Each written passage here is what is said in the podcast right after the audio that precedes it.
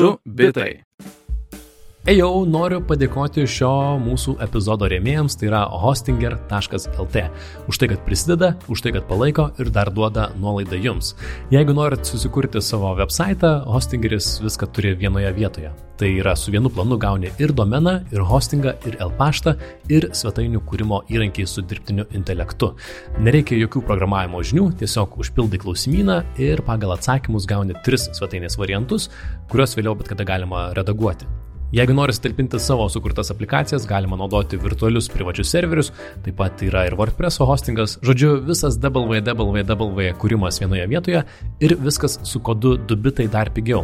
Tad jeigu įsigysit ilgiausią planą, 3 mėnesius ir taip gausite dovanų, bet jeigu čekaute dar įrašysite kodą 2 bitai, tai yra vienas žodis didžiosios raidės, gausite dar 10 procentų nuolaidą nuo ir šiaip nebrangaus plano. Tad ačiū hostingeriui, o dabar mūsų pokalbis. Labas visiems, klausote dviejų bitų, čia Lukas Keraitis ir Jonas Likevičius, kaip visuomet, labas Jonai. Sveikas Lukai, du bitai ar du baitai? Du bitai, du baitai ir šnėjom šį kartą net ne iš radio studijos, o iš improvizuotos studijos net leistinoje vietovėje, geografinėje lokacijoje.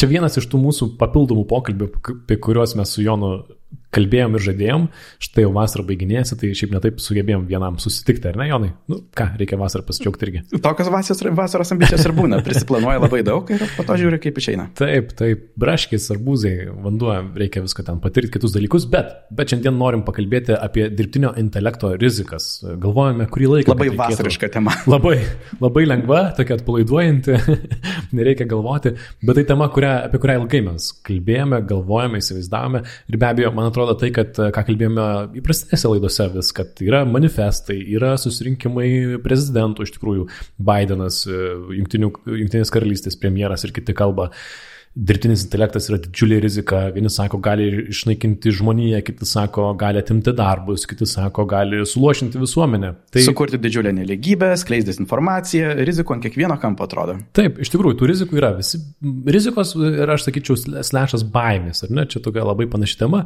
Uh, New York Times, besidomint šitą temą, yra daug vizą turi. Uh, ar gali atsakyti, ar šitos citatos yra apie atominius ginklus apie, ar apie dirbtinį intelektą. Ir netoks ir lengvas kvizas, nes abu panašus yra, abu sukurti žmogaus dideli pavojai. Tad šiandien pamėginsime, pasistengsime apžvelgti, kokios gali būti tos rizikos, kaip jos atrodo. Aš tikrai norėsiu duoti konkrečių pavyzdžių, na ir kaip jas galima skirstyti, kad šiek tiek įsivaizduotumėte, kaip galima, na, ko visgi galima konkrečiau bijoti. Nors nereiktų, bet Ar ne? Tai idėja yra pradžioje galbūt pakalbėti apie dabartį, apie kokios rizikos yra čia ir dabar, o paskui pakalbėti šiek tiek apie ateitį, tolimesnę ir e, įsivaizduoju, Jonas antroje dalyje labiau pasireikš, aš pirmoje. Man atrodo, Jonai, galim dėti kartas ant stalo, kad e, dėl tų rizikų ir baimių, ar ne? Man atrodo, tu esi labiau dūmeris negu aš. Tai, tai yra tikrai įdomu, nes iš vienos pusės aš esu labiau, kaip tu įvardini, toksai technologijų optimistas, žinai, kur labiau, uh, labiau tikiu, jog mes progresuosime labai greitai, bet šiuo atveju tai išsiverčia kartu ir į žymiai desnę egzistencinės rizikos uh, kažkokį įvardyjimą, žinai. Um, Tuo tarpu tie, kas nelabai tiki labai greita technologijų evoliucija arba jog kažkuri konkreti technologija gali pakeisti iš esmės žmonių gyvenimą, šiuo atveju yra mažiau būtent tie uh, apokalipsės nešėjai ir tiesiog, na, tai bus dar vienas šalituvas.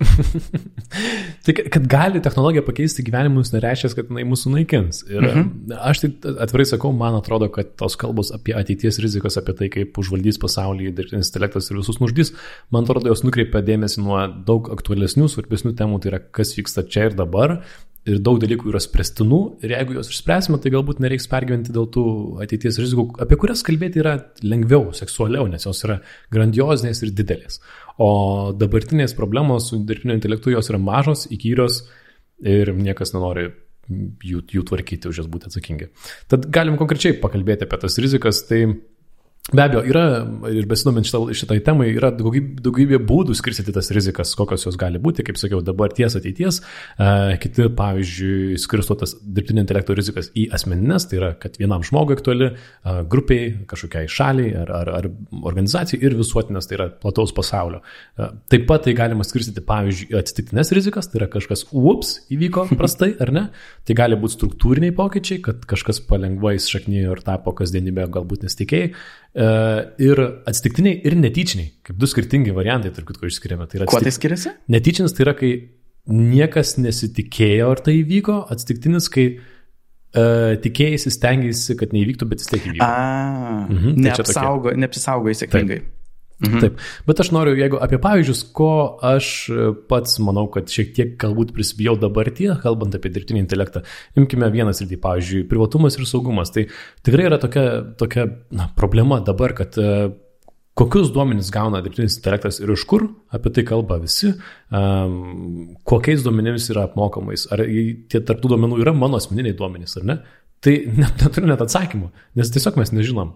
Progresas. Aš manau, atsakymas yra tikrai yra. Vien todėl, e, nežinau, ar žinai, e, didžiausias duomenų rinkinys, kurį naudoja tiek atviro kodo, tiek labai nesunku nuspėti ir uždari modeliai, nes apie uždarų modelių treniravimo duomenys mes daug nežinome, ten jie labai slap, nenori apie tai išnekėti, bet atviri modeliai treniruojami tokiu duomenų rinkiniu, kuris vadinamas the pile arba krūva Ir kas tiesiog reiškia, jog jie tiesiog surinko krūvą dalykų, sudėjo viską į vieną uh, ir tai yra tie treniravimo duomenys. Ir tikrai ten toj krūvoj nežiūrėjo, ar čia visi Europos piliečiai yra sutikę duoti savo uh, teisės į vardą ir išvaizdą ir tekstus. Taip, ir iš to irgi gali visokių netikėtumų nutikti, uh, pavyzdžiui, identiteto vagystė. Aš atsimenu, kai tik tai atsirado ChatGPT, jame, sakykime, ChatGPT tyinau, neguglinau, bet kaip čia pasakyti, bandžiau atrasti informaciją apie vieną draugą, ir, kuris tikrai nėra viešas asmuo, ir ten buvo informacijos apie kažkokį burelį, kuris lankė penktoj klasiai.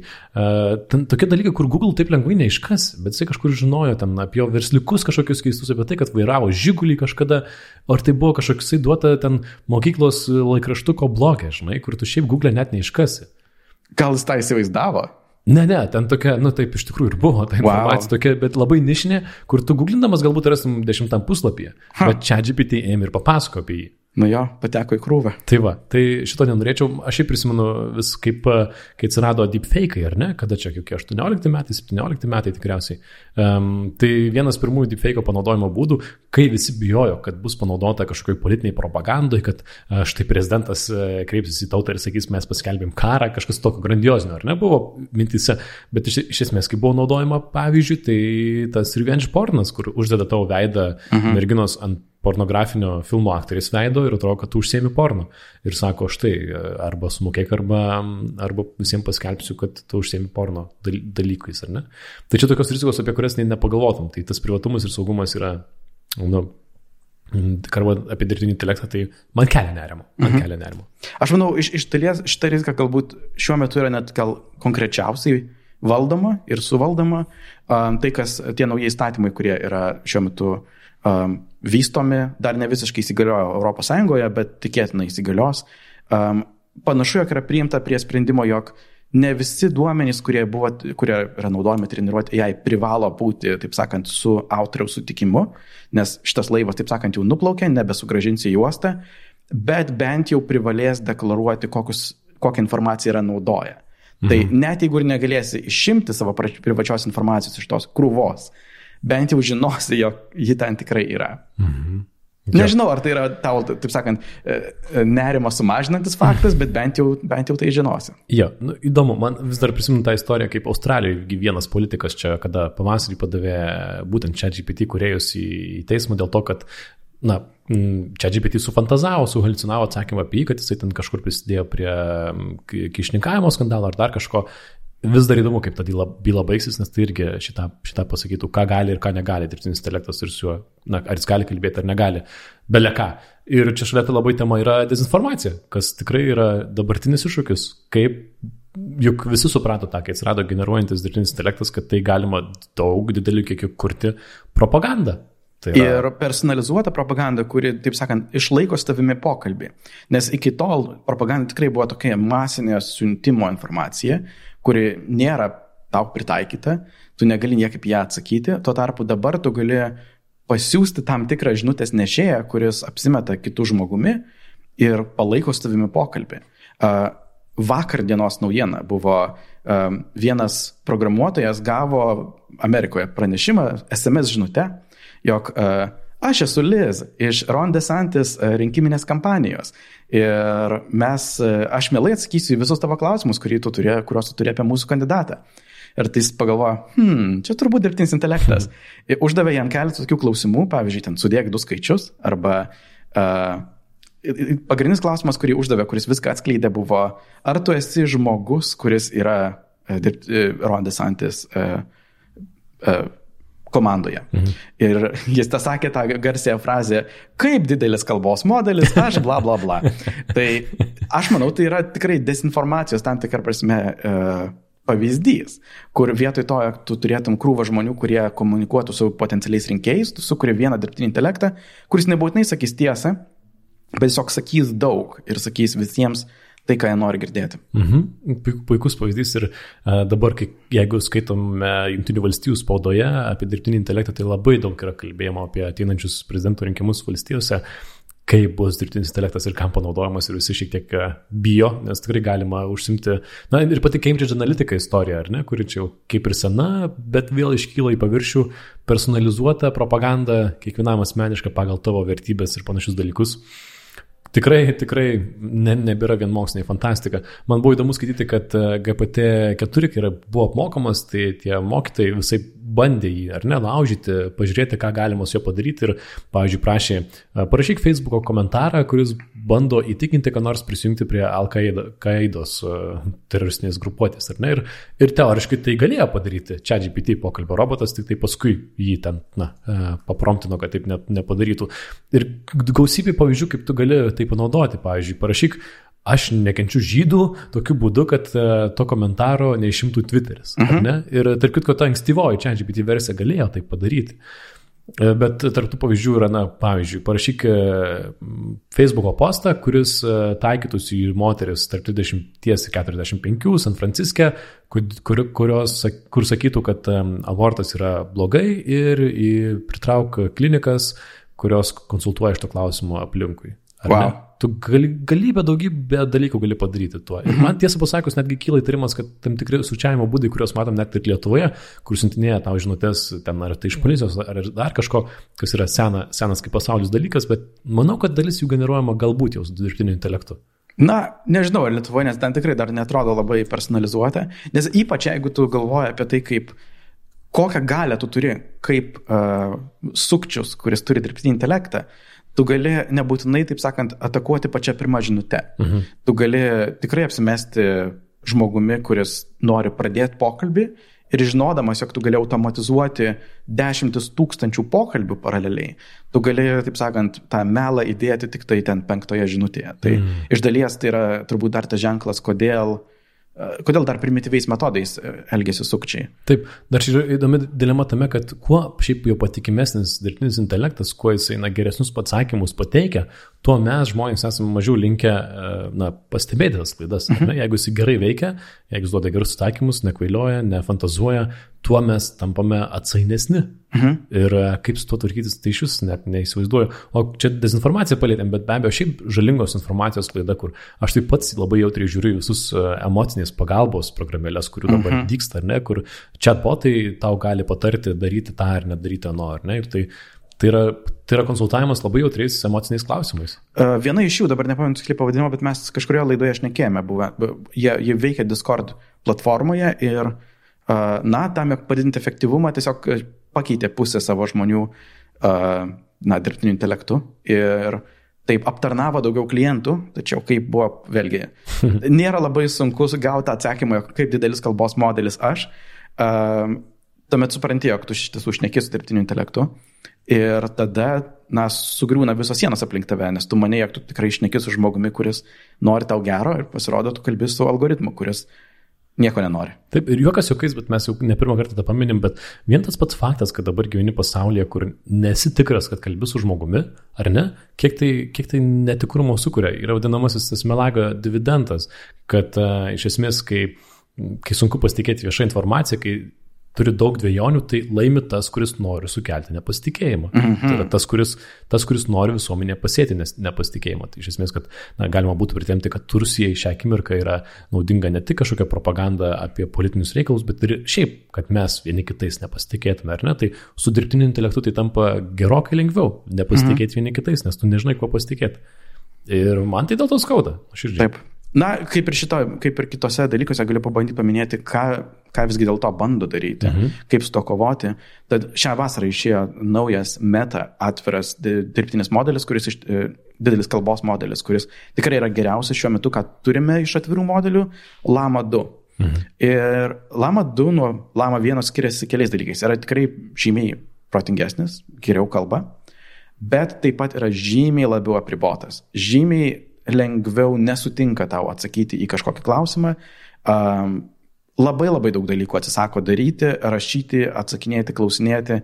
Net gali paklausti pakankamai toli nuo jautrios temos ir vis tiek atsisakys. Pavyzdžiui, mhm. tiesiog paklausti, uh, nežinau, kažko, kažką apie kūno formas ar, ar, ar, ar žmogaus išvaizdą ir sakys, jog, na, ne, aš nenoriu net priartėti prie temos, kuri yra kažkuo jautri. Uh, Ir, na, čia toks turbūt dalykas, kur laza turi du galus. Iš, iš vienos pusės, taip mes labai smarkiai apribojame, kiek daug žalos gali sukurti atviras modelis, nes jis, kai jis yra atviras, tai bet kas gali daryti, bet ką ir nieko nesuseksi.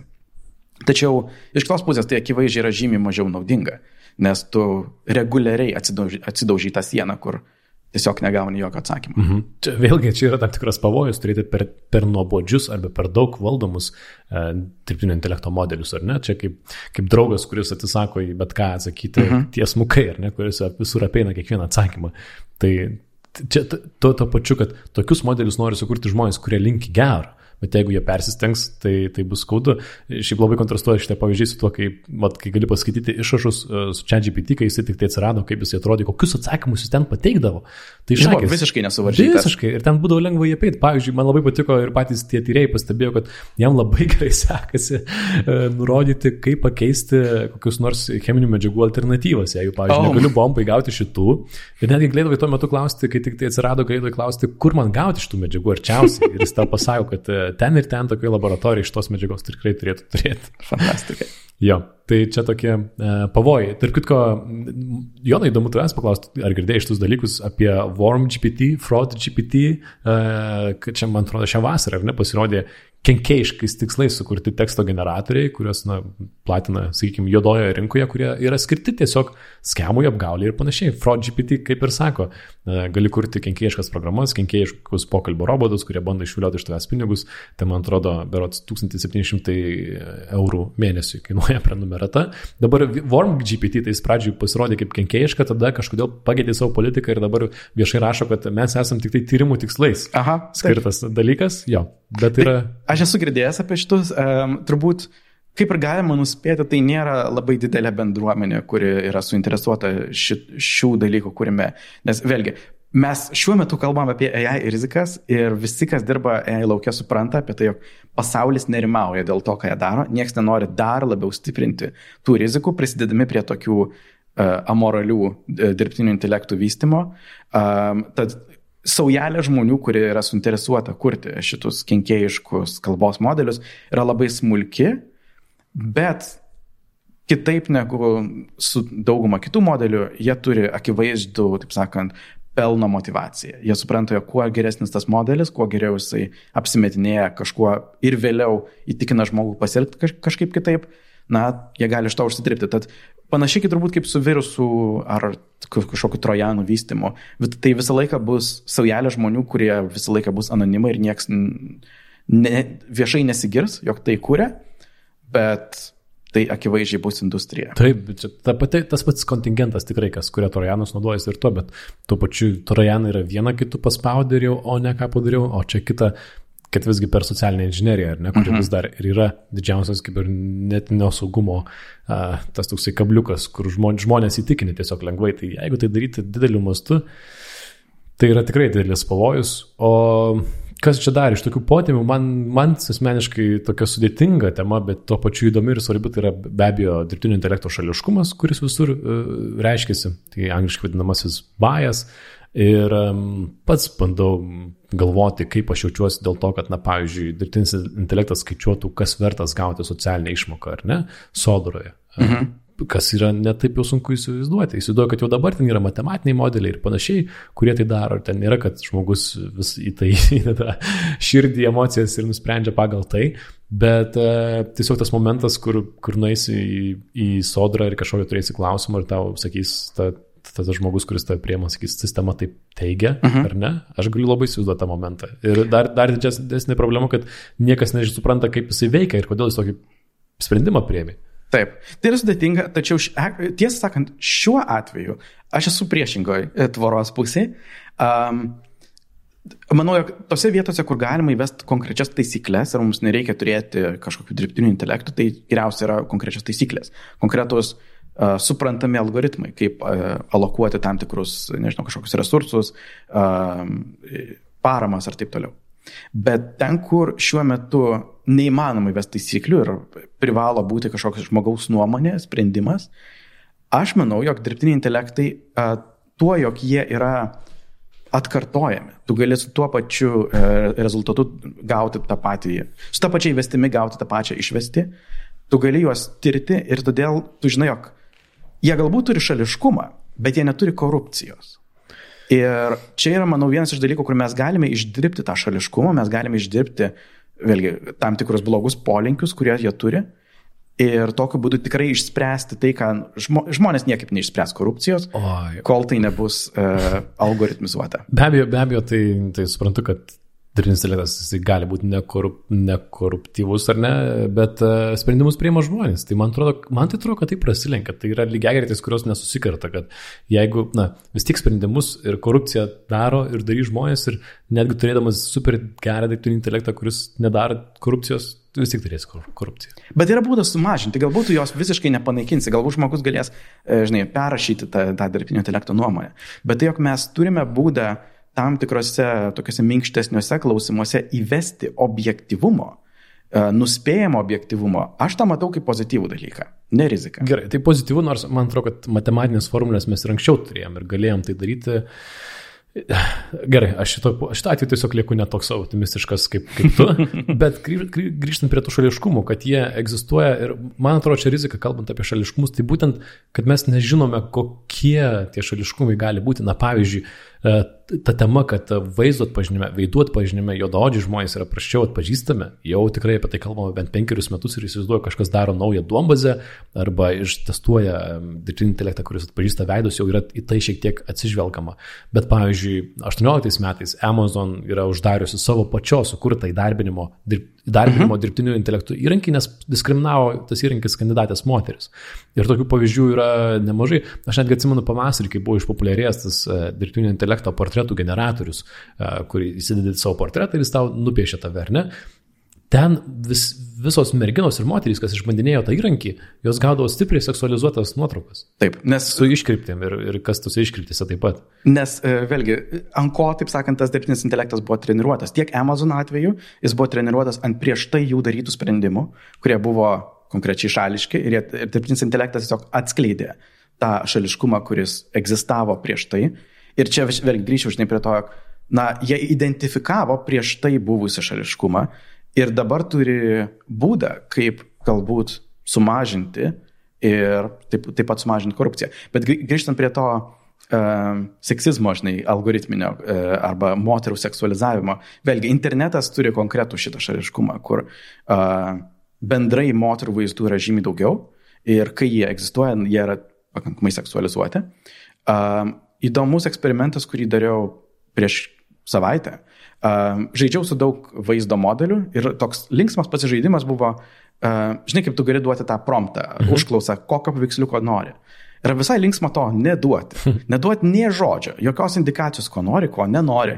Tiesiog baziniai parametrai ir, taip sakant, sąmonės srautas. Generuoja, ką tik tai nori. Ir žinoma, ten kartais gauni sumuštinį, kartais gauni gėlę, bet kai gauni žmogų, atrodė, jog devyniais atvejais iš dešimties tu gauni moterį. Ir vėlgi tai yra turbūt susijęs su tuo, kad na, visi šitie modeliai, kai treniruoti ant tiesiog viso interneto duomenų, um, natūraliai turi polinkį tiesiog generuoti labai daug moterų vaizdų. Um, Įdomus toks šališkumas, kuris yra tiesiog tame bazinėme dirbtinio intelekto lygyje. Kas yra crazy visai, nes daug pasako apie mus, ar ne, kad e, daugiau tikėtina, kad daugiau tą dirbtinį intelektą iki šiol ten prisideda, na, bent jau taip yra sakoma, baltodžiai, e, vidutinio amžiaus vyrai, o internete daug moterų nuotraukų. Įdomu, kokia šis dalis nuotraukų internete yra seksualizuotos. Manau, jo. Tai irgi ne visai maža. o, spėju, kad Taip. Jo, tai tie dalykai pers, persikelia į, į, į e, mūsų pasaulį. Kas dar iš kasdienybės, e, kas tau jauna iš kasdienybės dar duoda, duoda tokio nerimo, kas dabar jau su dirbtiniu intelektu yra susiję, bet, na. Na, tai žinai, vėlgi, aš turbūt daugiausia galvoju būtent apie tą dezinformaciją ir, mhm. ir kaip uh, kartu ir dezinformacija, bet net dar labiau apie turinio kiekį. Kiek daug gali būti dirbtinio intelekto turinio, uh, kurį, kurio tu net neatskirsi, ar tai yra žmogaus turinys ar ne. Ir kaip tai pakeis apskritai mūsų mąstymą apie visą informaciją, mūsų santykį su, interneta, su internetu.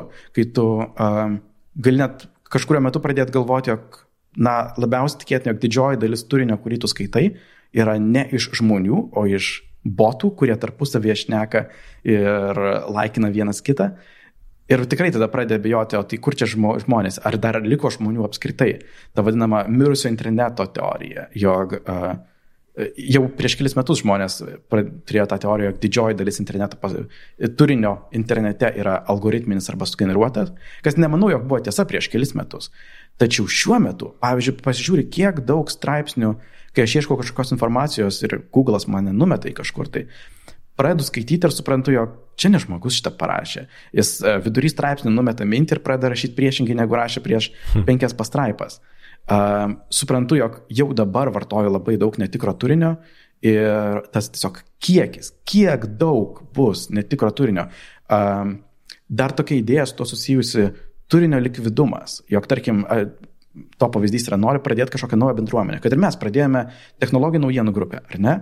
Ir, na, iš pradžių nėra žmonių, gali pasidalinti su draugais, ten keli prisijungs, bet nėra turinio, nėra kas komentuoja, nėra kas laikina. Na, tai pabarstai, žinai, 500 botų, kurie visi supranta, skaito, gali komentuoti.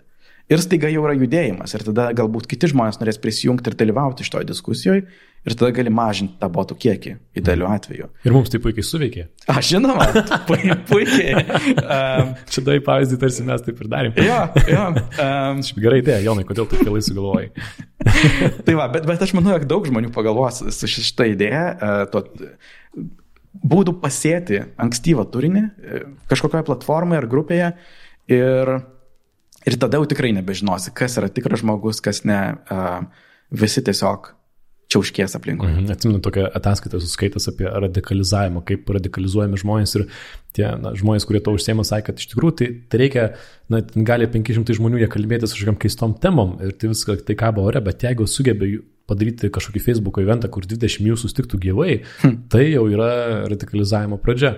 Ir kai tu kalbė apie tą turinį sugeneruotą dirbtinio intelekto, aš tai manau, kad vis dar tas trojos arklys, jisai vis dar jėda artin ir jo dar nėra tiek daug, bet jo tikrai bus daugiau. Man tai pirmiausia reiškia, kad žmogaus kurtas turinys tai yra tai, ką čia GPT negali lengvai padaryti, tokį, na, sakykime, nedefaultinę prezentaciją, nedefaultinį mhm. toną, ar ne, tai vis iš esmės tiesiogiai pasakius netgi brangs ir bus vis labiau vertinama. Ir, o, apskritai tavo originalumas, savotiškumas žmogaus kaip kurieja bus labiau vertinamas.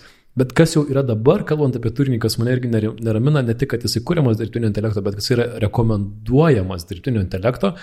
Aš šito faktą vis miniu, man jis yra įspūdingas, kad maždaug 70-80 procentų viso YouTube'e peržiūrimo turinio video yra rekomendacijos.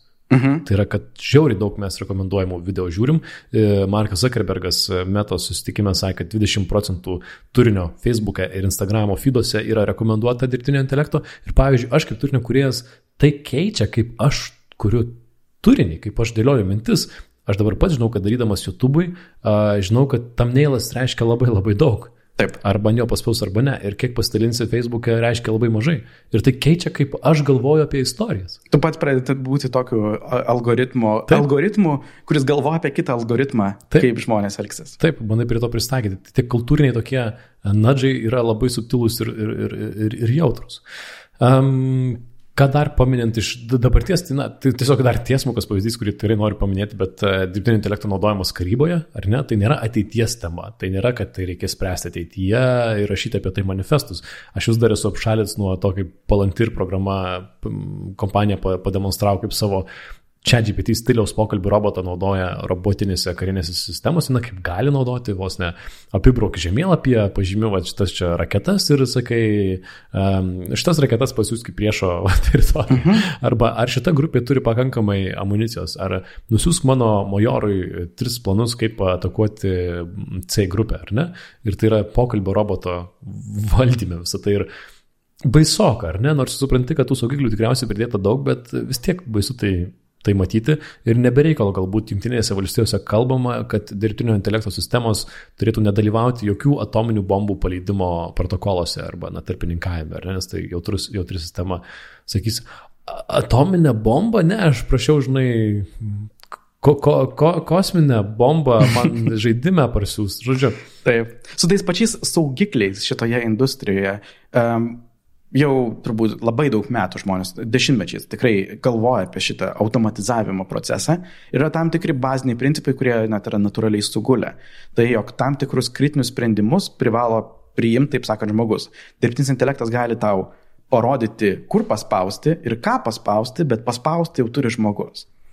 Um, mano nuomonė šitą uh, linija yra labai minkšta, nes tam tikrų atvejų, kai tu jau, sakant, apibrauki parenki, ką kažkur numesti ir tiesiog parodai vieną didelį raudoną mygtuką, kurį tau reikia paspausti. Ir wow, čia vis dar žmogus kabutėse priima sprendimą. Aš manau, jog tuo metu tiesiog jau tai nebėra joks sprendimas. Tu, taip, tu kaip žmogus patvirtini, bet tu tikrai negalvoji kritiškai apie visas alternatyvas ir tiesiog matai vieną didelį raudoną mygtuką, kurį tau reikia paspausti. Mhm. Ir aš tai taip įsivaizduoju, kaip ateitie galėtų to būti daugiau, netgi kai vis mes pakalbam apie tą dirbtinio intelekto asistento ar ne, na, įrankį, kuris galbūt kažkada ateitie pasirodys. Aš vis galvoju, kad tai ir atrodytų mano gyvenimas, tai tiek kaip daugybės dalykų prieimimas arba atmetimas. Mhm. Kažkas siūlo pietų ten tą valandą ir tą ir tą atmetu, kažkas ten siūlo tokį pasiūlymą visi dirbtinis intelektas visur yra detalėse, mhm. ar ne, o tu tampi tarsi tas tik tai realiai atsakomybės vienetas. Esi tas žmogus, kurį galima nuteisti, jeigu kažką padarė neblogai, ne taip.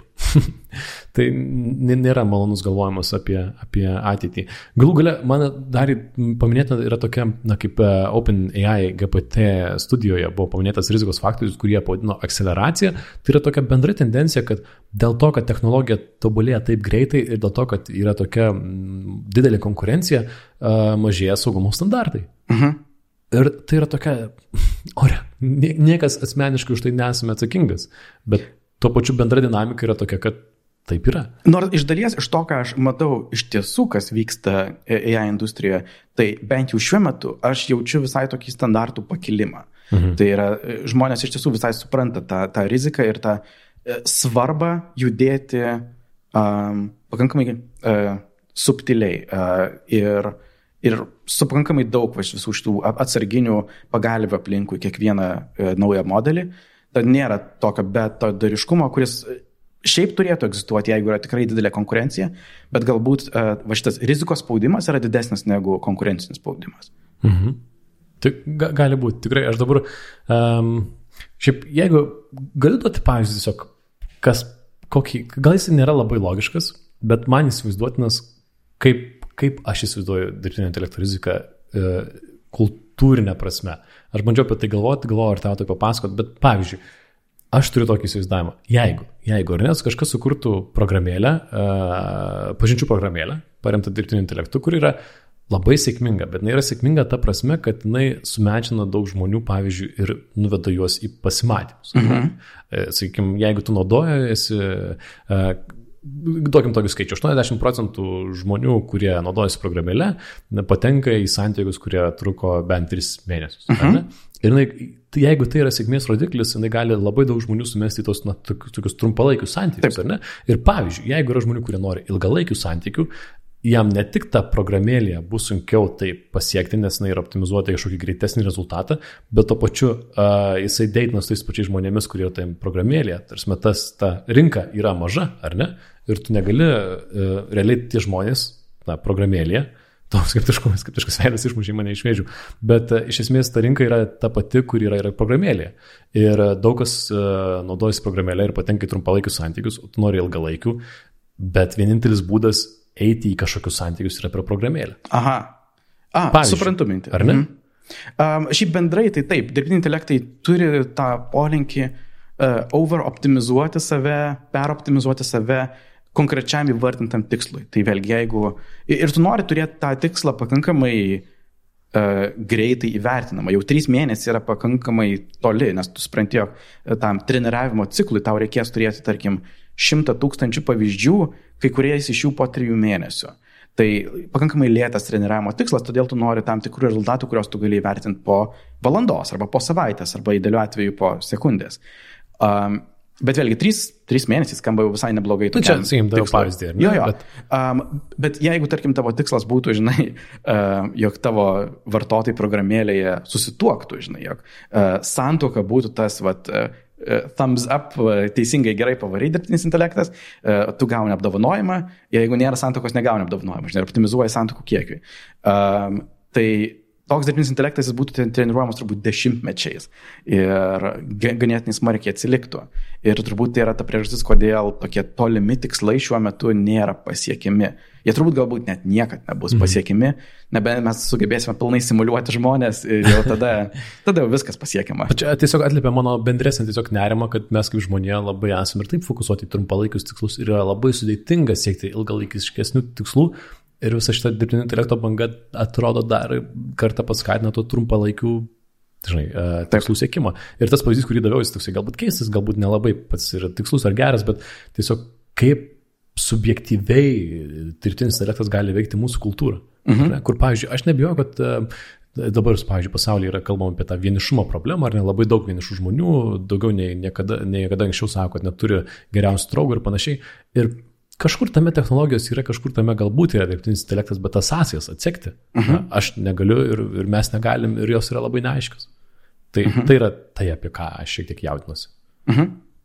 Tai va, bet čia tikriausiai tiek apie tos dabarties. Aš čia bandžiau iškristalizuoti pavyzdžius, dėl ko galima pergyventi jau dabar, nereikia laukti ateities. Bet be abejo yra tokie na, tolimesni, tolimesnės rizikos, kaip galėtų būti, jeigu būtų, nes na, yra baiminamasi, kad vieną dieną dirbtinis intelektas bus visose kasdienybės rytise, jis bus labai protingas, būsime su juo labai susiję ir nutikti gali kažkas, kažkas blogo. Mhm. Uh, taip, ir čia tikrai yra turbūt labai daug dalykų. Galima šnekėti apie uh, turbūt tai, kas uh, yra labiau nuspėjama ir artimesnė ta ateitis, dalykai, kurie yra labiau susiję turbūt su esamų dirbtinių intelektų industrializavimu ir platesnė, platesniu naudojimu. Na ir tada galime eiti į tą mokslinę fantastiką su egzistencinėmis rizikomis ir dirbtiniu intelektu, kuris mūsų visus išžudys. Mhm. Tai, na, tai gerai, tai keli, kelis pavyzdžius paimkime. Na, aišku, yra, yra super intelekto problema, ar ne, kad dirbtinis intelektas labai bus protingas ir sugebės save, save tobulinti labai mhm. greitai Aha. ir tame kažkas gali įvykti labai blogo. Bet aš nebereikalas sakau kažkas, kažkas, kažkas, nes labai daug ne, ne, nežinomųjų. Aš manau, kad šitą mes galim pasilikti šiek tiek uh, pabaigai. Galim pašnekėti apie tą vat, artimesnę ateitį. Mhm. Tarkim, uh, nes mes čia suprantame dabar, kur esame su dirbtiniu intelektu. Um, kokie yra tam tikri, nežinau, dabartiniai apribojimai susijęs su panaudojimo kiekiu, pritaikymu tų pačių modelių, kuriuos turime e, ir kur link tai gali nuvesti. Ir aš matyčiau čia, čia tokias dvi gal asmenės priežastis, priežastis, apie kurias žmonės galvoja, prie pagrindinės rizikas. Tai būtų atims mūsų visų darbus, net ir tuos darbus, kuriuos mums patinka daryti. Na ir sukuriame neligybę dėl to, jog dirbtinį intelektą yra tokia centralizuojanti technologija. Na tai kalbant apie tuos e, atimamus darbus, tai net, e, čia buvo keletas, žinai, tų laiškų apie dirbtinio intelekto stabdymą. Ir viename iš jų, tokiame poetiškame, buvo pasakyta, jog taip, dirbtinis intelektas atims darbus, ar mes, ar mes norime tokio pasaulio, kuriame net ir darbai, kurie mums patinka, kūryba, rašymas, juos atimame tiesiog todėl, jog tai yra ekonomiškiau automatizuoti. Ir ką aš šiuo metu matau pasaulyje, kas yra tiesiog konkreti išraiška viso to, tai yra jau turbūt 3 ar 4 mėnesius vykstantis uh, uh, uh, Hollywoodo rašytojų protestas. Mhm. Pagrindė susijęs, vėliau mes turėjome laidą apie tai, uh, bet pagrindė susijęs tiek susijęs su streaminimo servisų um, mažėjančiam algom, uh, bet taip pat labai susijęs su tai, su to, jog, na, Hollywoodo industrija labai mielai galvoja, kaip automatizuoti visą scenarijų rašymą ir jog jiems reikėtų žymiai mažiau tų rašytojų, kurie rašytų scenarius. O scenaristam tai patinka. Na visgi tai yra jų kai kuriais atvejais, daugeliu atveju, Beveik visais atvejais turbūt pašaukimas. E, tu neįtum turbūt į tą profesiją, jeigu tu nenorėtum sėdėti ilgas valandas ir, ir rašyti ilgus dialogus, kaip kalbasi po veikėjai. Taip, ir ką tu apie tai manai? Ką, ką su to daryti? E, kaip, kaip čia, kaip manai, kaip, kaip tas pats protestas įsispręs arba, na, ką daryti šitoje situacijoje, nes e, tas labai buvo garsus tvytas, man atrodo, kad žmonės dirbantis e, darbus už minimalų atlyginimą ir robotai rašantis e, poeziją ir tapantis paveikslus nėra ta ateitis, kurią įsivaizdavau. Tai būtent tą ir apibūdinu, mhm. bet, bet kaip tu matai, kaip išeiti to, ar ką daryti. Nes, pavyzdžiui, kai um, tie patys Hollywoodo rašytojai sako, kad nenaudokite dirbtinio intelekto scenarijų kūrime, man atrodo, tai yra naivi dėrybinė pozicija. Labai naivi. Ir iš dalies yra pačioj blogiausiai situacijai, nes šiaip jie niekada nebuvo labai stiprioje darybiniai pozicijoje, visas ta Hollywoodo industrija. Um, tačiau tekstas buvo tikrai ta vat, pirma sritis, kur žmonės, kur žmonės suprato, wow, aš tokios kokybės nesitikėjau su ChatGPT, um, kur buvo toks didžiulis kokybinis šuolis ir supratimas, jog, na, jis tikrai gali atlikti beveik visus namų darbus ir daugeliu atveju gali pakeisti tokį paprastą scenarijaus rašymą ar dar kažką. Ir todėl jie galbūt pirmi išgyvena šitą didžiulę transformaciją. Um, Tikėtina, kaip patys pirmi, jie turbūt pralaimės. Um, reikės turbūt išgyventi žymiai daugiau skausmo, žymiai daugiau, nežinau, ofiso darbuotojų, kurie Vėlgi Microsoftas kalba apie tai, kaip automatizuos darbą Exceliu, automatizuos prezentacijų kūrimą PowerPoint'u, automatizuos Word dokumentų rašymą, opt, opt, opt, automatizuos net duomenų perdirbimą jų ten vidinėse analizės platformose, kaip ten Business Intelligence. Ir kiek daug žmonių, tai yra tiesiog jų kasdienė veikla, kurie tą daro. Ir jiems tai patinka. Ir manau, jog kai tai bus labai didelė dalis visuomenės, kurie dėl dirbtinio intelekto negali daryti to, ką darė, kas jiems patiko, tada tikrai prasidės didelis politinis spaudimas, jog tai nebėra vien tik tai apie kokius duomenis naudojama treniruoti dirbtinį intelektui. Tai bus žymiai labiau apie tai, jog tiesiog apriboti mastą, ką jis gali daryti, nes kitaip nėra ką veikti, nėra įdomių veiklų. Na, tarsi, taip, tu gali tapti santechniku, gal šito taip greit netims, bet Taip, Tai, žodžiu, tokia pesimistinė nata mes čia šnekam, taip, taip tikriausiai yra ir aš visiškai prieimu, kad tai yra greit artimos ateities tokia rizika, ar ne? Tarp kitko, aš mesinsiu tokią netikėtą ir įdomią mintį iš labai man patikusio ese nuo režisieriaus Adam Curtis, kuris tikrai na, daug ką kritikuoja gyvenime, bet e, jis yra įdomas, įdomią mintį pasakęs, kuri man mažų mažiausiai atrodo įdomi. Tai yra, kad e, jis sako, kad e, saviekspresija yra, yra šių laikų mada. Hmm. Tai jisai tokį pasiūlo požiūrį permastyti visoje šitoje, nekalbant ne, ne apie dirbtinį intelektą, bet sako, kaip žmonės 30 metais vyrai visi vaikščiojo su juodom kepurėm, taip žiūrėsim po 50 metų į dabar ir matysime, kad visi norėjo save išreikšti. Ir wow, jeigu nueitume tokiu keliu, kad o net robotai perima tiek darbų, kad saviraiška tampa beprasme, ką tiesą pasakius, kalbant su savo draugais menininkais, tapytojais, tikrai galiu pajausti, kurie sako, žinai, nėra lengva kurti, kai tu matai, kai tą paveikslėlį sugeneruoja taip paprastai. Ir mhm. dalį tai žmonių jau at, atpurti nuo kūrybos, nuo užsiemimo kūrybą. Visiškai. Ir wow, man, man atrodo, kad čia yra proga permastyti, kas mes esam, ko mes norim ir jo. panašiai. Aš turiu čia dar dvi mintis, vieną labiau pesimistinę, kitą gal šiek tiek optimistinę. Um, visas šitas turinio generavimo lengvumas, ypač gal tą net lengviausia pajausti su vaizdais, su, su kažkokia Midjourney, paverčia kūrybinį objektą tiesiog resursų. Mm. Tau tai nebereikia, tu nebe, nebegalvoji apie tai kaip jo kažkokio įkvėpimo reikalaujantį dalyką, kur, žinai, turi prisidėti žmogaus sielą tam, jog sukurti kažkokį kūrybinį objektą. Ne, tai yra grinai resursas. Aš noriu uh, 150 vaizdų, uh, žinai, po to galbūt atsirinksiu, kai kuriuos perdirbsiu, kai ką duosiu dar kitiem dirbtiniam intelektam praplėsti. Ir visiškai automatizuotas toksai resursų e, gamybos linija. E, Nežinau, kaip tai pakeis visą mūsų mąstymą apie, apie tai, kas yra kūryba, bet aš jau dabar tą jaučiu, nes tiesiog pats prie to prisidedu. Labai nemažai dalis mano dizaino darbų dabar tiesiog išnaudoja tuos resursus, kuriuos anksčiau aš galbūt būčiau ėjęs pas iliustratorių ir sakyti, žinai, mums reikia iliustracijos, dabar, ei, Midjourney, padaryk man paveiksliuką. Geras. Aš tik tai šitą mintį papildamas, nes e, tikrai mes šitokį įdomią nu, nukrypom, bet e, tas pats Adam Curtis toje, toje, tas, toje savo esėje, kur šiaip galima nuspėti, jisai ten toliau kritikuoja individualizmą, e, bet jisai gražiai pasako tokie va, dalykai, kai kompiuteriai perima tokius ar ne, va, kaip su dalykus, kur reikia įdėti dvasę, kad žmonėms mes, tas žodis yra angliškas disenchantment, mhm. ne, tampame tarsi kažkokio nelieka stebuklo. Jo, magija prapuola. Dar kartą jau, jau tas e, Dievas mirė jau seniai, ar ne, prieš šimtą metų tai buvo pasakyta, bet kažkur tam magiškumas vis jo mažėja. E, O, tai tik, tikrai nėra optimistinė mintis, bet jo. O tavo antroji mintis buvo? Šiek tiek labiau pa- optimistinė, žinai, uh, gali tą patį mūsų efektyvumo didinimą interpretuoti nebūtinai kaip žmonės pradantis darbą, bet tie patys žmonės tiesiog darantis tai, ką daro trigubai greičiau. Ir tiesiog galim padaryti žymiai daugiau. Uh, ir to pat, patirtis man kiekvieną dieną, aš naudoju tą GitHub Copilot rašyti kodą. Aš manau, daugiau nei pusę kodo, kuris šiuo metu, kabutėse, išeina iš manęs, žinai, eina į kažkokius kodo komitus, jau yra ne parašytas nebe mano paties rankutėmis, o su Copilot sugeneruotas. Ir aš tikrai jaučiuosi žymiai produktyvesnis, galiu žymiai greičiau sukurti tai, kas yra mano galvoje, paversti į kodų. Um, Ir tą gali interpretuoti tiek, žinai, pozityviai, tiek negatyviai. Galbūt mes samdysime mažiau kitų programuotojų į savo kompaniją, bet galbūt um, tiesiog judėsime žymiai greičiau su tai, su tai žmonėm, kuriuos turime.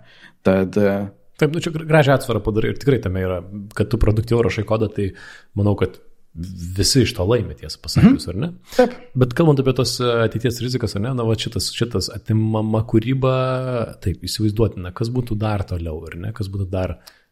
Taip, tai kita tokia artima rizika, kurią aš tikrai jaučiu, yra didėjanti neligybė. Sukur, sukuriama dirbtinio intelekto. Nes dirbtinis intelektas yra labai centralizuojanti technologija.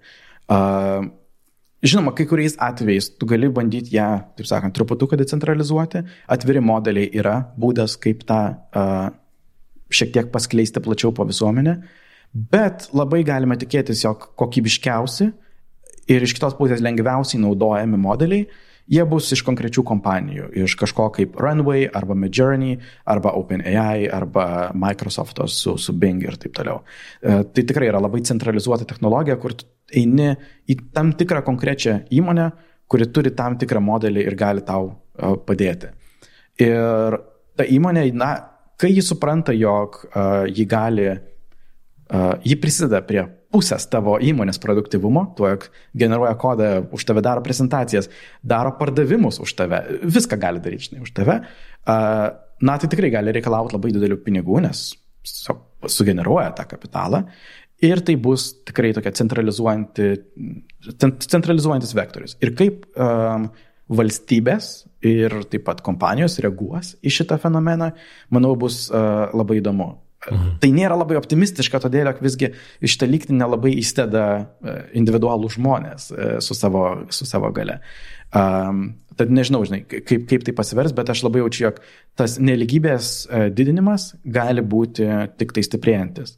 Mhm. Um, šitam argumente tokia įdomią atsvarą, kurios aš asmeniškai netikiu, um, numeta uh, Andresin Horowitz, uh, vienas iš įkūrėjų uh, Andresin. Uh, jis sako, jog, na taip, neligybė didės, tačiau kiekvieno žmogaus asmeninis turtas arba gyvenimo kokybė gerės žymiai greičiau negu tas neligybės uh, didėjimas. Tai žinoma, ten milijardieriai galbūt taps trilijardieriais, uh, triljonieriais, uh, bet uh, bet kiti žmonės gyvens uh, kaip, nežinau, milijonieriai. Taip, čia kapitalistų nuomonė. Taip, tokia, labai tikrai, kapitalistinė be, be, nuomonė. Iki šiol taip ir buvo.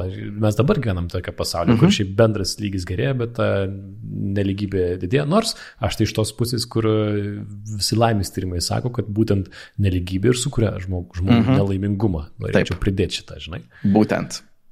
Jo, bet aš tai vis dar žiūriu į tos dar futuristiškesnius pavyzdžius. Na gerai, varom tada į visiškai futurizmą. Jo, nes yra tie, žinai, pavyzdžiai, man atrodo, kurie įdomus ir ką tu turi apie juos pasakyti, kur, na, kiek realu yra bijoti dabar dirbtinio intelekto, kuris persistengs, ar ne? Yra mhm. ta karaliaus mido problema, ten visi ta, man atrodo, ar ne, paperclips pavyzdys dažniausias, kur jeigu užduosi dirbtiniam intelektui kažkokią užduotį, kuris darys kažką taip gerai, kad net sunaikins žmogų, ar ne? Ten paprašysi pagaminti kuo daugiau energijos iš saulės, tai susprogdins visą elektrą gaminančias vandens užtvankas, ar ne? Tokie mhm. pavyzdžiai. Tai jo, jie yra, bet... Ką, tai čia galima įmesti, aš keliu tokių fil, e, dirbtinio intelekto filosofijos, kuri yra pakankamai jau toks e, seniai egzistuojantis laukas, nėra jog va dabar per šios metus e, visos teorijos yra išvystytos. Viena iš tokių pagrindinių teorijų su tuo susijusių, tai vadinama orthogonality thesis. Uh, uh, ortoganišku. Mhm. Orthogonality thesis, pavadinkim tą tiesiog taip. Um, jis turi minti, jog dirbtinis intelektas turi dvi dimensijas, kurios tarpusavį yra nesusijusios. Tai yra bendras intelekto arba gebėjimo siekti tikslų, um, kažkoks kiekis arba sugebėjimas ir tikslo, kurį siekia prasme ir kokybė. Tai yra, tu gali turėti galbūt net už žmogų protingesnį dirbtinį intelektą, kuris galėtų, galėtų rašyti poeziją, ir programuoti save, ir kurti kompanijas, ar daryti ką tik nori. Bet jis taip pat gali turėti tikslą, pavyzdžiui, pripūsti kuo daugiau kamolių. Ir jis tiesiog išnaudos visą tą savo labai protingą intelektą siekti pakankamai beprasmio tikslo. Ir šitie dalykai tarpusavį nėra labai susiję. Nėra, jog jisai staiga supranta, jog, o, oh, mano tikslas yra kvailas, aš nenoriu pūsti šitų kamolių ir sustoja. Uh, tas tikslas, kuris jam yra užduotas kaip pagrindinė jį optimizuojanti funkcija, pagal ką jisai įvertina, ar aš esu geras ar blogas, nebūtinai yra susijęs su jo likusiais gebėjimais. Mhm. Uh, būtent turbūt ir iš to kyla visos tos persistengintis AI arba uh, AI, kuris neturi sveiko proto. Taip. A, turi konkrečių pavyzdžių, kurie, nežinau, keltų tau nerimą, nes aš, jeigu galėčiau įsivaizduoti tokį scenarių, kuris uh, mane neramina, atrodo futuristiškas, bet vis tiek įsivaizduotinas, tai tai, kad tu paminėjai, įsivaizduočiau, na, pavyzdžiui, finansų pasaulyje, mhm. kur yra daug matematikos, kur jau dabar yra daug algoritmų, daug automatizavimo, dirbtinio intelekto tikrai yra, kur dirbtinis intelektas, kuris tikrai daug greičiau analizuoja finansinę informaciją nei žmogus, jam yra pavesta analizuoti ir galbūt investuoti, perinvestuoti, yra daug skirtingų dirbtinių intelektų ir tikrai galima tai įsivaizduoti, kai ekonominį krachą sukuria keli dirbtiniai intelektai, kurie matė, kad krenta, tai tada ir aš parduodu, ir aš Taip. parduodu, ir aš parduodu. Ir tai vyksta per, žinai, per pusę sekundės. Visiškai. Ne, ne per dvi dienas ar per savaitę, kaip ten prieš šimtą metų vyko, arba ten ekonominė mūsų krizė, ne, šimtais metais buvo, na, keletą dienų tikrai buvo, ten viskas vyko keletą dienų. Uh mhm. Tai galbūt, galbūt galėtų šią akimirką vykti per trečdalį sekundės, ne? Taip. Yra keletas tokių pavyzdžių, žinai, kai kurie labiau tokie filosofiniai ir iš tų pačių autorių, kurie vat, ir vysto šitą dirbtinį intelekto filosofiją. Pavyzdžiui, aš kai turbūt gal keletą kartų pat pacituosiu šitą pačią knygą Superintelligence, parašytą Nick Bostromo. Um, joje jisai kalba apie, vėlgi, tokius uh, shortcutus, kuriuos gali daryti dirbtiniai intelektai tam, jog pasiekti savo tikslą. Pavyzdžiui, uh, jeigu tikslas yra padaryk uh, žmonės kuo laimingesnius, uh, jis gali sugalvoti, jog hmm, tai jiems reikia įstatyti ten dopamino generatorius į smegenis Taip. ir jie bus laimingi. Uh, tiesiog nuolat jiems šerisi dopaminą. Uh, ir kaip, kaip padaryti, jog dirbtinis intelektas nesijimtų tokių uh, nukirpti, kampų nukirtimų, uh, yra visai sudėtinga. Uh, Ir tai jau dabar matosi tikrai daug treniruojamos dirbtinių intelektų. Pavyzdžiui, man regis tas pats OpenAI. Jis treniravo uh, tokius virtualius žmogeliukus, uh, fizinius robotukus, galima, virtualius robotukus, žaisti slėpinių. Jog virtualioje aplinkoje vienas iš jų galėtų pasislėpti ten už dėžės ar už stulpo ar dar kažko ir gauni tuo didesnį įvertinimą, kuo ilgiau tavęs neranda kitas robotukas virtualus. Ir sėkmingiausias strategijos šioje vietoje buvo tikrai nesugalvojamas, kaip pasislėpti už dėžės ir kol link tavęs eina pasitraukti prie kitos dėžės. Bet būdai surasti, jie, jie surado būdų, kaip, taip sakant, iššokti iš e, žaidimo aikštelės geometrijos. Kaip pavyzdžiui, prasimušti pro grindis ir būti žemiau žemės. Ir tai yra tas būdas, kur vat, būtent suranda tokį ne, nesveiko proto uh, shortcutą ir jam tai yra maksimalus rezultatas. Kai jisai po žemė jo niekas neranda niekada. Baisu, čia tikrai e, puikiai istorija man priminė pavyzdį su šitais 2016 metais, kai vyko GO žaidimo čempionatas, mhm. GO toksai labai sudėtingos šaškės, tai pasakykime, ir 18. Visi kartų... GO žaidėjai šiuo metu išeitė. nebejoju, nebejoju, šiek tiek specialiai tai pasakiau. Bet e, tas Lee Sedol, tai vadinasi jo vardas, ne, 18 mhm. kartų pasaulio čempionas ir prieš jį laimėjo na, dirbtinio intelekto programa, kuri žaidė žaidė tą žaidimą ir tuo metu tiek ekspertai, tiek visi, kas stebėjo tą žaidimą, matė, kad ta sistema na, darė labai keistus įėjimus, kurie, na, dėl to jinai laimėjo be abejo, kad kurie labai atrodė nelogiški, bet ar jinai sugebėjo matyti tiek žingsnių į priekį, ar dar kažkokius irgi atrasti shortcutus, kažką tikrai naujo, atrasti mhm. naują žinią šitam žaidime, kad laimėtų. Bet tas nenuspėjamumas, nežinojimas, kur link eina, nes tau atrodo, kad, jinai, oho, kad tik padarė klaidą, ar ne, o iš tikrųjų jinai tokia pratinga, kad numatė penkis žingsnius į priekį. Tai tame labai daug rizikos. Taip, tikrųjų. tas pats Lysinol buvo sakęs, jog vėlgi, gau žaidimas jis turi ten tūkstantmečio tradicijas ir dauguma strategijų net turi tokius žmogiškus pavadinimus. Ten čia yra lapas, čia yra karys, mhm. čia yra dar kažkas.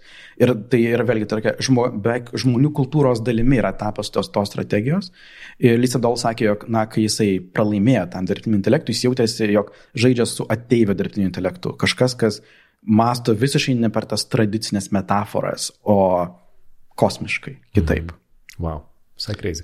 Uh, gerai, ar dar turim futuristiškesnių? Man vis tiek tas dar rūpi. Man Na, tai superintelektas turbūt. Superintelektas man rūpi. Ir be abejo, ta, aš tarp kitko, iš vieno žmogaus uh, girdėjau tokią mintį uh, Lietuvoje, dirbančios su dirbtiniu intelektu, jisai sako, šiaip tai šią akimirką tas dirbtinis intelektas jau yra kažkur pabėgęs ir kažką daro. Tarsi, kad jisai uh, Nežinau, ką jis turėjo menyje, kad internete kokia nors programa kažkur kasasi mm. tai, kas yra, žinai, na tiesiog niekas nežino, bet labai didelis šansas, kad jinai tiesiog šimtą kartų per sekundę spaudinėja enter mygtuką ir eina žemyn la, lapo puslapyje, ar ne? Bet ką manai apie tą idėją, kad dirbtinis intelektas gali pabėgti iš kažkur į kažkur ir tapti, žinai, savarankiškas ir problema nutiks dėl to, kad jisai iš nutekėjo nuo savo sistemos, kurioje turėjo būti. Mhm. Aš manau, tai tikrai labai didelė tikimybė. E, vien todėl, jog tam nereikia e, labai daug žmonių, žinai, e, kurti specialų modelį, kuris tą, tą padarytų. Manau, viena iš pagrindinių rizikų su šitais tokiais netyčiniais arba atsitiktiniais, atsitiktiniam dirbtinio intelekto problemom yra tai, jog tu gali sukurti scenarius net nevystydamas naujo dirbtinio intelekto, o tiesiog duodamas, kabutėse, neteisingą promptą arba tą užklausą, arba sudarydamas, žinai, kažkokį skriptą, scenarijų, kur jis gali amžinai suktis tam tikroje neteisingoje užklausoje, kur jeigu tu, tarkim, duosi dirbtiniam intelektui tikslą, žinai, googling būdus, kaip galima įsilaužti kuo daugiau serverių, tavo tikslas yra, jog tu kaip skriptas vyktum kuo daugiau skirtingų serverių. Ir paleidai jį suktis ratu, taip sakant, jeigu nesugalvoja būdo, tai paleidai iš naujo ir iš naujo ir iš naujo vis naujam strategijom. Galbūt jisai tokiu būdu, žinai, jis ir suksis ten savaitę, kol sugebės įsilaužti į savo pirmą serverį. E, tai tokiu būdu jis turbūt jau dabar gali būti um, pabėgęs. Ir pagrindinė rizika, kurią su tuo matau, yra būtent, jog tam nereikėjo, žinai, didelės kompanijos kaip OpenAI, uh, giliai galvoti apie tai, ką čia blogo padaryti, užteko vieno žmogaus, žinai, parašyti skriptą, duoti užklausą ir tiesiog paleisti ant net gal savo žaidimų kompiuterio su grafikos kortą. Mhm. Tai tikrai nėra toks didelis iššūkis ir dauguma žmonių tą sugebėtų padaryti. Geras, ir čia tuo pačiu tas tame pavyzdėje man telpa ir tas prieš tai mūsų kalbėtos rizikos persistengimas arba tas tikslų savaiminis siekimas ar ne, kur duok dirbtinio intelektui tikslais įsilaužti serverį ir kas jeigu kartais jam tai pasiektų labai gerai ir įsilaužtų mhm. į pusę pasaulio serverių, ja. ne? Tiesiog, o, nes radau spragą, kurio, apie kurią niekas nežino. Netyčia žmogus- surado Zero Day SSL bibliotekoje ir ups, pusė pasaulio serverių yra offline. ir ten kažkas įbėgioja, ar ne? Vo- Voveriukas ir spaudinėja mygtukus. Jo, tai, tai, tai tikrai egzistuoja. Man dar įdomu tavęs paklausti apie idėją, apie savitobulinantį dirbtinį intelektą, ar ne? Apie tą idėją, kad, na, štai dabar dirbtinis intelektas kaž, kažkiek šią akimirką duokime irgi, uh, pa, pasakykime, kad gali dirbtinis intelektas šiek tiek save tobulinti, netgi arba tai su apga, na, kaip tobulinti save gal net tas įsireiškimas, bet jeigu, žinau, čia GPT paprašysi parašyti kodą, gali paprašyti jo, gali paprašyti padaryti, kad tas kodas veiktų tiesiog greičiau, ar ne? Taip. Jis gali tai padaryti. Taip. Čia kaip paveikslėlių generavime, tu pridedi e, žodį masterpiece ir staiga kokybė pagerėja. Tiesiog dirbtinis intelektas, ai, tai aš dabar darau kokybiškiau, gerai, darom Jo, kokybiškiau. ai, Aš esu master. Okay. Jo. jo, tai yra tas ta baimė, kad, kad kažkada anksčiau ir vėliau dirbtinis intelektas pateks į savitobulinimo ciklą. Tai yra, kad išmoks save tobulinti ir užsisuks tame ir labai greitai pats save ištobulins ir iš to, aišku, išauks visokios nesąmonės. Mhm. Ką manai apie tai? Aš net galėčiau turbūt suskaidyti kokias tris tokias galimybės. Um, viena yra, kur jau dabar tiesiog struktūriškai tokiu būdu veikia. Um, tai dalis treniravimo ciklo dirbtinių intelektų yra teisingų to neurotinklo parametrų parinkimo. Ten kaip ilgai tam tikri duomenys užsibūna tame neurotinkle, kiek gilus, kiek platus jisai yra ir taip toliau. Ir iš tų parametrų rinkimas jau didžiąją dalimi yra optimizuotas ir patys tokie specializuoti neurotinklai, jie gali duoti uh, komentarus apie save, taip sakant, ir sakyti, kurie, kurie, kurie parametrai yra labiau tikėtini, jog jiem padės. Mm. Um, tai jau dabar tiesiog tai yra tiesiog dalis proceso kūrybos, kur uh, tinklas save gali truputuką paoptimizuoti. Ar tai galima vadinti seed AI? Girdėjau tokį terminą, tai yra Uh, tobulinti čia savo turbūt- architektūrą dirbtinis intelektas. Ne, čia, čia tas idėja yra labiau toks jau filosofinis Okay, dalykas. okay, supratau. kaip sukurti patį mažiausią dirbtinį intelektą, kuris gali save, mm. save tobulinti. Toksai labiau uh, self-feedbacking, ar ne? Taip. omenyje. Bet jis, ši- tas idėja, jis egzistuoja labiau filosofinėme lygyje mm. negu praktikoje. Um, antra kategorija, vat, manau, būtų uh, tokia self-promptinantis AI. Tai yra vienas, pavyzdžiui, dirbtinis intelektas, kurio darbas, čia, ir čia patenka tie auto GPT ir, ir panašus dalykai, uh, kur tu galėjams duoti kažkokį aukšto lygio tikslą, vėlgi tam pavyzdžiui, uh, veik kuo daugiau skirtingų kompiuterių ir jog jisai pats atliktų tyrimus, suprasti, jog, na, tai man dabar reikia laužtis į tuos kompiuterius ir daugiau duotų užklausas kitiems dirbtiniams intelektams, jog tavo darbas yra laužtis, tavo darbas yra investuoti tam, jog aš galėčiau nuomoti dirbtinius kompiuterius ir, taip- ir, ir taip toliau. Um, tai toks, uh, teoriškai bet kas gali tokį sukurti. Uh, technologijos kaip auto GPT egzistuoja, jos neveikia labai gerai ir čia yra tas, šiuo metu dar viltis, jog jos ne- nelabai kokybiškos, um, bet architektūriškai nieko daugiau nereikia, nes tiesiog tai yra dirbtinis intelektas, kuris savo pačiam duoda užklausas. O tai, apie ką žmonės kalba tame, bet CDI arba tikrai toks dirbtinis intelektas, kuris tobulina save iš pamatų, uh, kuria geresnės savo architektūras, manau, esame pakankamai toli. Todėl, jog uh, net ir žmonėms yra labai sunku sukurti naujas architektūras. Ten labai protingų žmonių didelės komandos dirba metus tam, jog sukurti geresnę architektūrą. Uh, plus tai užtrunka ten kompiuterio laiku turbūt dešimtmečius uh, treniravimo. Ir tai kainuoja milijonus dolerių ištreniruoti vieną dirbtinį intelektą. Tai vien dėl to masto sudėtingumo šiuo metu mes neturim šitos rizikos, jog OpenAI pakeis dirbtinis intelektas. Mhm. Tai čia į ateitį, ar ne? Mhm. Ar turime dar kažkokių baisių, baisių rizikų? Nes jei ne, tai man nukautuojantį klausimą dar tau vieną vis tiek. Wow. Na tai, žinai, aš manau, jog uh, galima tiesiog toliau prasiplėsti visą tą super intelektą, kas, uh, žinai, kas tai yra, kodėl taip visi to baiminasi, ar čia tikrai yra to egzistencinė rizika. Uh, ir kaip tai gali fundamentaliai keisti mūsų visuomenę ir, ir, ir vis, viską, ką mes darome. Tai turbūt tai. Ar čia yra tas nokautuojantis klausimas? Man atrodo klausimas, nes šiaip prielaidos, kalbant apie tolimą ateitį ir rizikas dirbtinio intelektų, yra pirma prielaida, kad dirbtinis intelektas taps labai protingas, protingesnis už žmogų. Uh Mhm. -huh. Ir antra prielaida, kad e, dėl to kažkas blogo įvyks, žinai, nes ne, Taip. nebūtinai turi įvykti. Taip. Kaip tu manai, kaip tai yra susiję? Pirmiausia, ar manai, kad žmog, dirbtinis intelektas taps protingesnis už žmogų, tiksliau, tik- tiksliau kada? Labai teisingai patikslinai, nes manau, uh, net visi turbūt supranta, vėlgi, matydami, kas vyksta per paskutinius kelias metus, jog Taip, dirbtinis intelektas bus protingesnis už žmogų praktiškai visose srityse. Uh, nežinau, galbūt sodininkystėje niekad mūsų neplenks, žinai, mes, yes. Uh, bet, uh, bet tikrai nėra labai sunku tą įsivaizduoti. Galbūt uh, yra kas spėlioja, jog mes už, labai smarkiai užklimsime kažkurioje ten pekloje ir tai jau mums užtruks ten šimtą metų, kiti sako septyneri metai.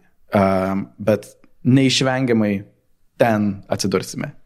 Mhm. Bet čia to pačiu jisai bus intelektualesnis, ar ne? Ir ar tai neišvengiamai reiškia, kad tai yra rizika, kad mes turime kažką už save intelektualesnį. Ir aš numanau tavo atsakymą, nes yra tokia netgi pasirodo pavadinimas šitai idėjai - gorilos problema. Yep, gorila problema, ne, kad žmonės yra protingesni už gorilas ir iš esmės gorilų egzistencija priklauso nuo, nuo mūsų, o ne visiškai dinamika yra tokia.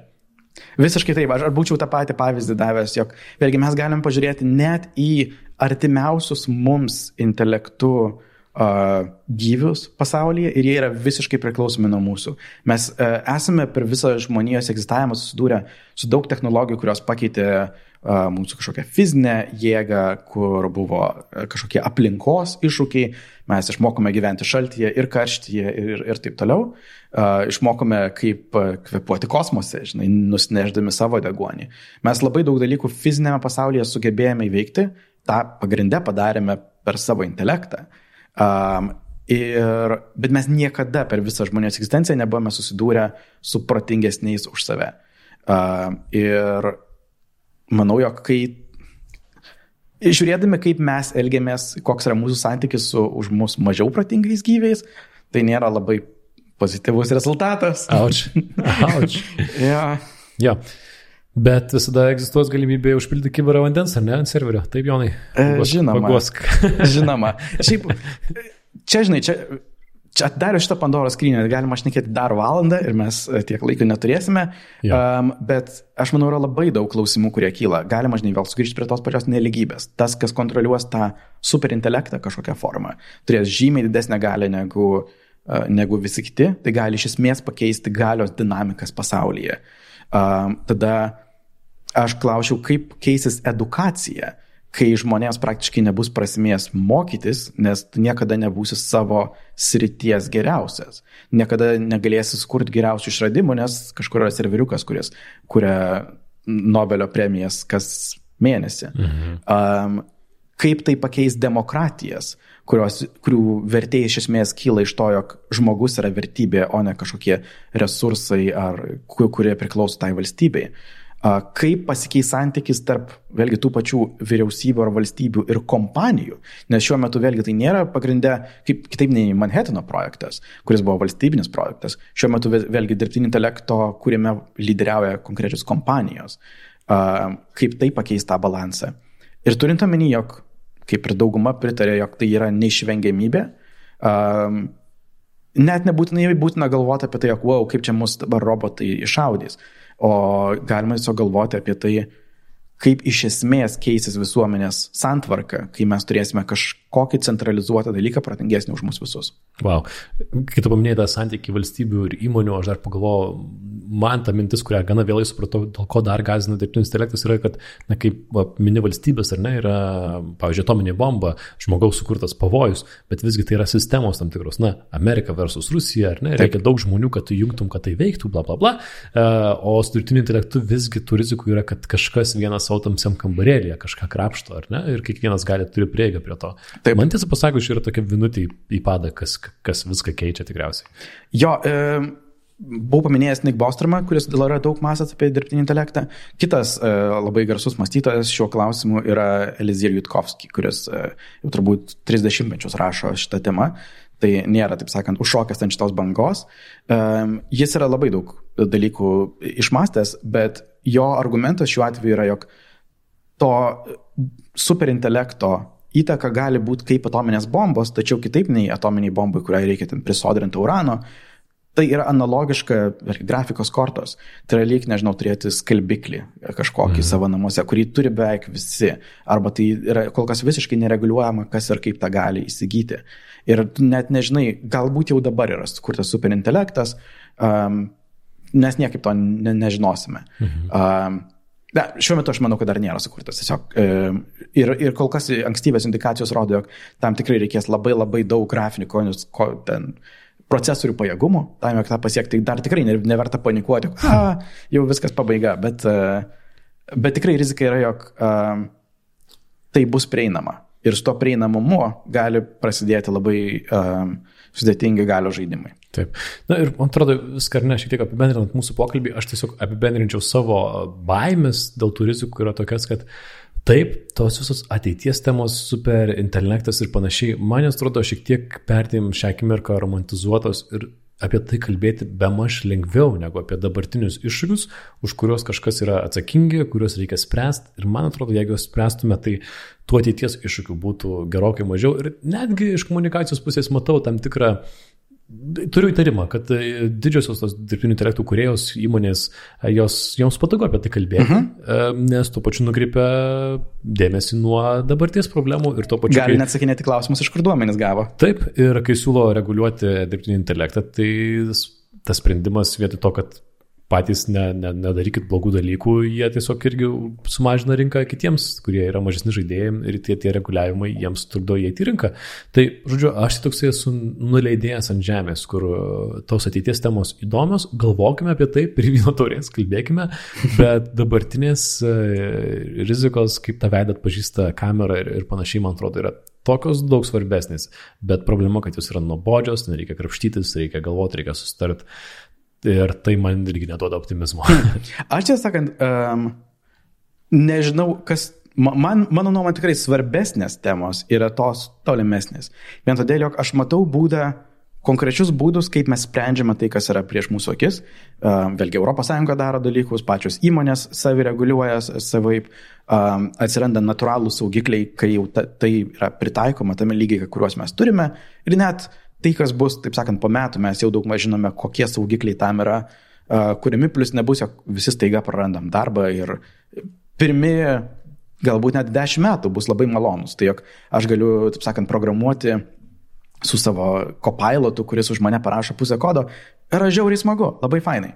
Um, manau, prasmė šnekėti apie tuos tolimus dalykus, kurie žinai, kai kurie sako, ten galbūt po 20 metų ir tik tai 10 procentų tikimybė, jog mums bus labai blogai.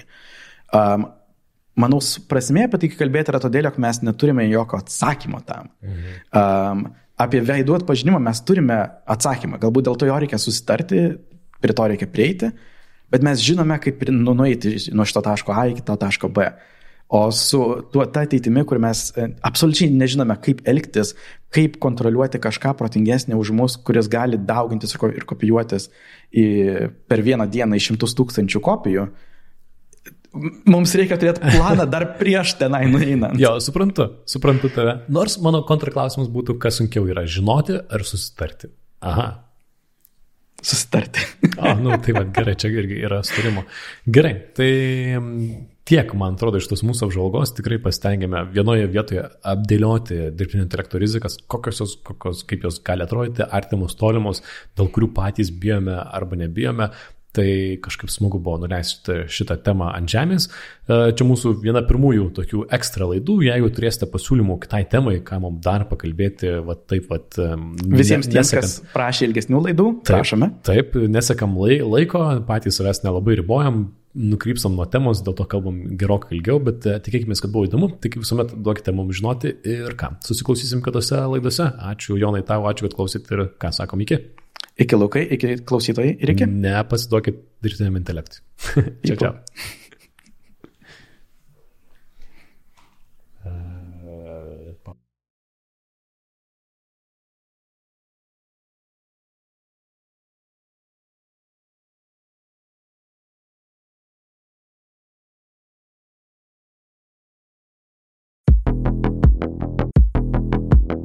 Du bitai.